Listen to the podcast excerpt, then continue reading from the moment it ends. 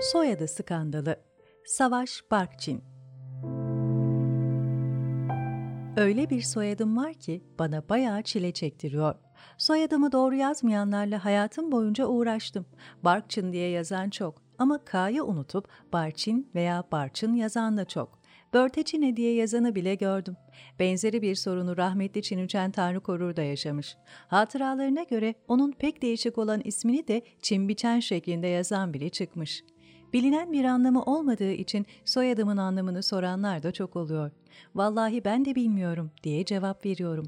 Bu cevabım o kadar garip değil. Çünkü saçma veya yanlış yazılmış o kadar çok isim ve soy ismi var ki bizimki arada kaynayıp gidiyor. Bir ülke düşünün ki halkın önemli bir kısmının soyadı yanlış yazılmıştır. Yine öyle bir ülke düşünün ki insanların ata isimleri, atalarının geldikleri yer, yaptıkları iş gibi işaretleri taşıyan soyadları yerine alelade nesne veya hayvan isimleri taşıyan soyadları yaygındır.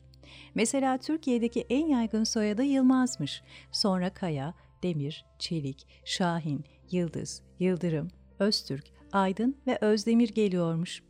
Ne kadar özgün ve anlamlı kelimeler. Bu yaygın soyadlarını taşıtan herkes akraba mı? Değil elbette. O kadar sıradan ve tarihsiz. Bu sağda olsun, solda olsun bizim genel şaşkınlığımızın, kaybolmuşluğumuzun ve tutarsızlığımızın bir yansıması değil mi? Yine öyle bir ülke düşünün ki insanlar soyadını söyledikten sonra ama asıl soyadımız şudur diye asıl soy isimlerini izah etmeye çalışıyor. Çünkü çoğumuzun soyadı rızamız olmadan verilen yani makbul ve uygun görülen isimlerdir. Özellikle kırsal yörelerde çiftçi, rençber, eker, ekici, biçer gibi soyadlarından geçilmez. Amerika Birleşik Devletleri'nde okurken bir arkadaşım vardı. Soyadı Kütük'teydi. Nasıl yani dediniz değil mi? Eskiden beri isim ve soy isimlerine karşı merakım çoktur. O arkadaşa soyadının hikayesini sordum. Anlattı. Dedeleri Sivas'ın merkezinden uzak bir köyünde yaşayan insanlarmış. Soyadı kanunu çıkınca köye nüfus memuru gelir. Memur her aileye kafasına göre bir soyadı verir. Dedeleri de böyle bir soyadına bağlanır. Elbette bu onların asıl soyadları değildir. Neyse, soyadları nüfus kütüğüne yazılır ve memur gider. Yıllar geçer. Dedelerinin devletle işleri pek olmadığı için verilen soyadını unuturlar. Bir gün Sivas'ta mahkemede işleri olur. Mahkemeye çıktıklarında hakim isim ve soy isimlerini sorar. Dedesi ismini söyler ama hiç kullanmadıkları için kendisine verilen soyadını hatırlayamaz. Soyadı için hakime kütükte der. Yani nüfus kütüğünde yazılı, oradan bakın anlamında. Ama mahkeme kaydında kütükte geçtiği için soyadları da öyle kalır. Bunun gibi gariplikler o kadar çok ki. Meşhur gurme Vedat Milor da öyle. Milor bana sanki Macar veya Slovak bir soyadı çağrışımı yapıyor. Merak ediyordum hangi skandalın eseri diye. Öğrendim. Kendisi bir yerde anlatıyor. Matrak bir olay. Rahmetli dedem Konya'nın Tahir Paşa soyundan. Onun torunu. Aile adı Mecidiyezade. Dedem soyadını Mecidiye oğlu yapmak istiyor. Zadeyi Türkçeleştirerek. Soyadı komisyonu bu. Türkçe değil diye kabul etmiyor. Dedem çok güçlü bir şahsiyetti. Kafası bozuluyor, çok orijinal ve kimsede olmayan bir isim uyduruyor. En merak ettiğim Mecidiye oğlunu kabul etmeyen komisyonun nasıl olup da Milor'u kabul ettiği. Yazık ki dedem vefat ettiğinde ben 13 yaşındaydım. Bu soruyu sorma şansım yok. İnsanlara kendi soyadlarını alma hürriyetini bile bırakmayan ceberutluğa başka bir örnek verelim. Şu anda piyasadaki 10 TL'lik banknotların arka yüzünde Cahit Arf'ın resmi bulunuyor. Dünyaca ünlü bir matematikçimiz. Peki Alman soyadı gibi duran Arf ne demek Allah aşkına? Cahit Arf'ın bir vakitler asistanlığını yapan Tosun Terzioğlu bana anlatmıştı. Cahit Arf'ın babası soyadı kanunu çıkınca nüfus müdürlüğüne gider.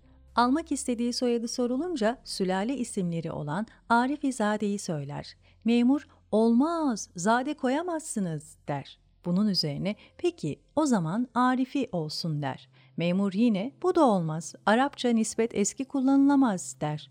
Kızmaya başlayan adam bari Arif olsun der. Memur o da olmaz, Arapça kelime der. Bunun üzerine zıvanadan çıkan adamcağız kızarak Arif kelimesinin sülasi kökü olan A, R, F harflerini söyler. İşte bu soyadı da bu skandaldan geliyormuş.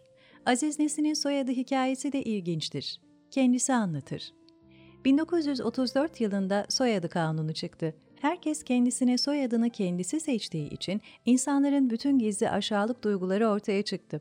Dünyanın en cimrileri eli açık, dünyanın en korkakları yürekli, dünyanın en tembelleri çalışkan gibi soyadları aldılar. Her türlü yağmada hep sona kaldığım için güzel soyadı yağmasında da sona kaldım. Bana ortada böbürlenebileceğim bir soyadı kalmadığından kendime Nesin soyadını aldım. Herkes Nesin diye çağırdıkça ne olduğumu düşünüp kendime geleyim istedim. Soyadı fitnesi aynı soydan gelmelerine rağmen farklı soyadları olan aileleri bölmüştür.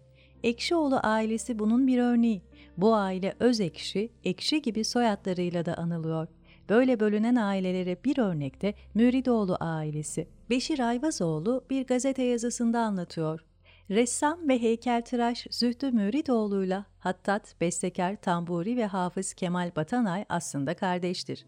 Soyadı kanunu çıktığında babaları aile lakapları olan Müridoğlu'nu soyadı olarak almak istemiş. Fakat nüfus memuru Şeyh mürit, derviş devri geçti deyince çaresiz nüfus kütüğüne Ulu Eren soyadını yazdırmış.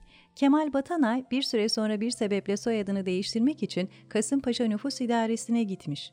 Kendisinden öncekinin Doğanay soyadını aldığını görünce bizimki de Batanay olsun demiş. Küçük kardeşi Zühtü daha sonra mahkeme kararıyla Ulu Eren soyadını Müridoğlu olarak değiştirmiştir. Nüfus müdürlüğü soyadı olarak söylenen kelimeleri tarama sözlüğüne bakarak önce öz Türkçe olup olmadığını kontrol ediyor, sonra onaylıyorlardı. Bu baskıya kendilerince çare bulmaya çalışanlar da oldu. Mesela tasavvuf ve ilim ehli kişilerin aldıkları soyadları. Çoğunun soyadı güya Öztürkçe ama yine de irfan kokuyor. Hemen aklıma gelen bazı örnekleri sıralayayım.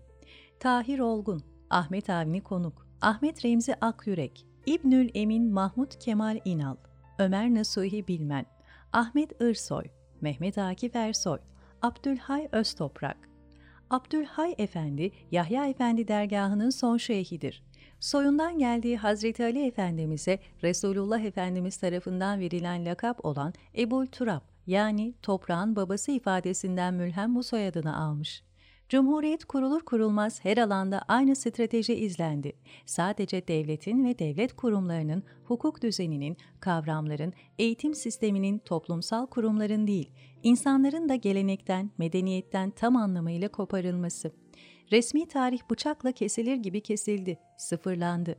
Yerine Atatürk'ün hayatta belki en çok mesai harcadığı nutuk resmi tarih olarak kondu.